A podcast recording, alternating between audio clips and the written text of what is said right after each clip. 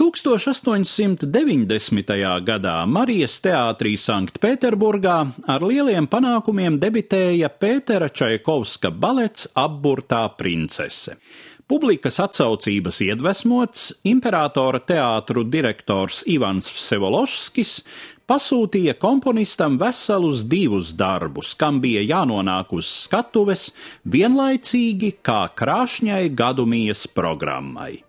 Tā nu 1892. gada 6. decembrī pēc vecā, jeb 18. decembrī pēc jaunā stila, Marijas teātra priekškars vērās Čaikovska operai Jolanta un baletam Riekstkodis.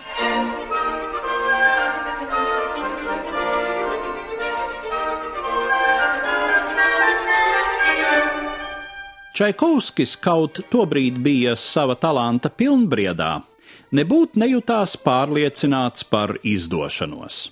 Operas sakarā viņš šķitās radoši izsmēlies pēc nesen pabeigtās pīķa dāmas, savukārt balets nevaldzināja ar sižetu, pie tam libretists un horeogrāfs Marijus Petipā ļoti detalizēti norādīja, kā veidojams katrs numurs, un Čaikovski šāda instruēšana kaitināja.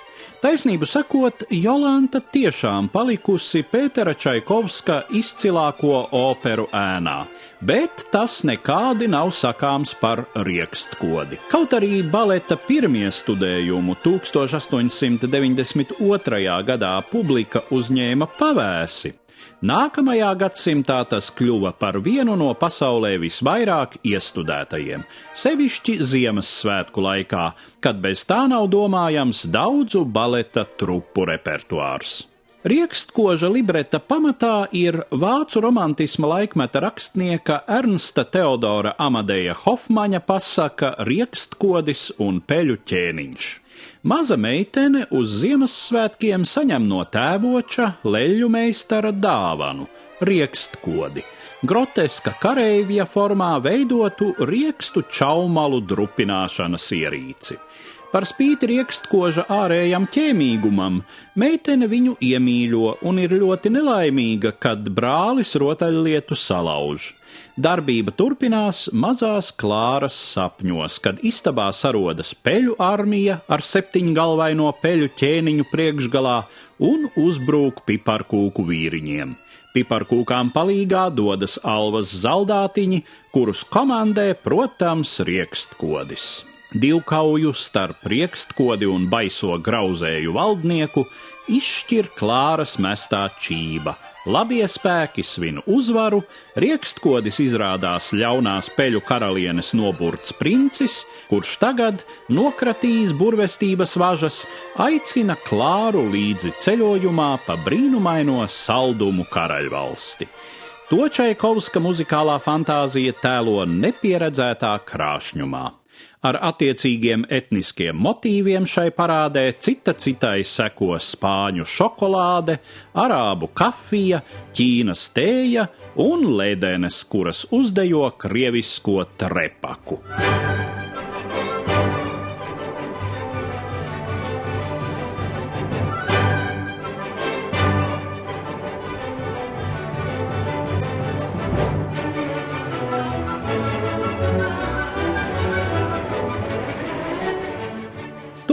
Tomēr riekstkodis nav tikai naiva krāsaina bilžu grāmatiņa.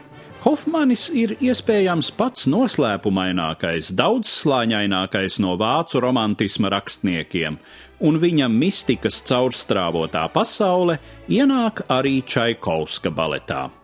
Kā nakts pustumsā te zūd skaidrās robežas starp piedzīvoto un nosapņoto, starp cilvēku un lietu pasauli un riekstkodis. Vai gan viņš nav rada visiem tiem romantisma varoņiem, kuri dodas cīņās un meklējumos, lai taptu paši, un kurus šai ceļā vada un sargā visbrīnumainākais spēks - mīlestība.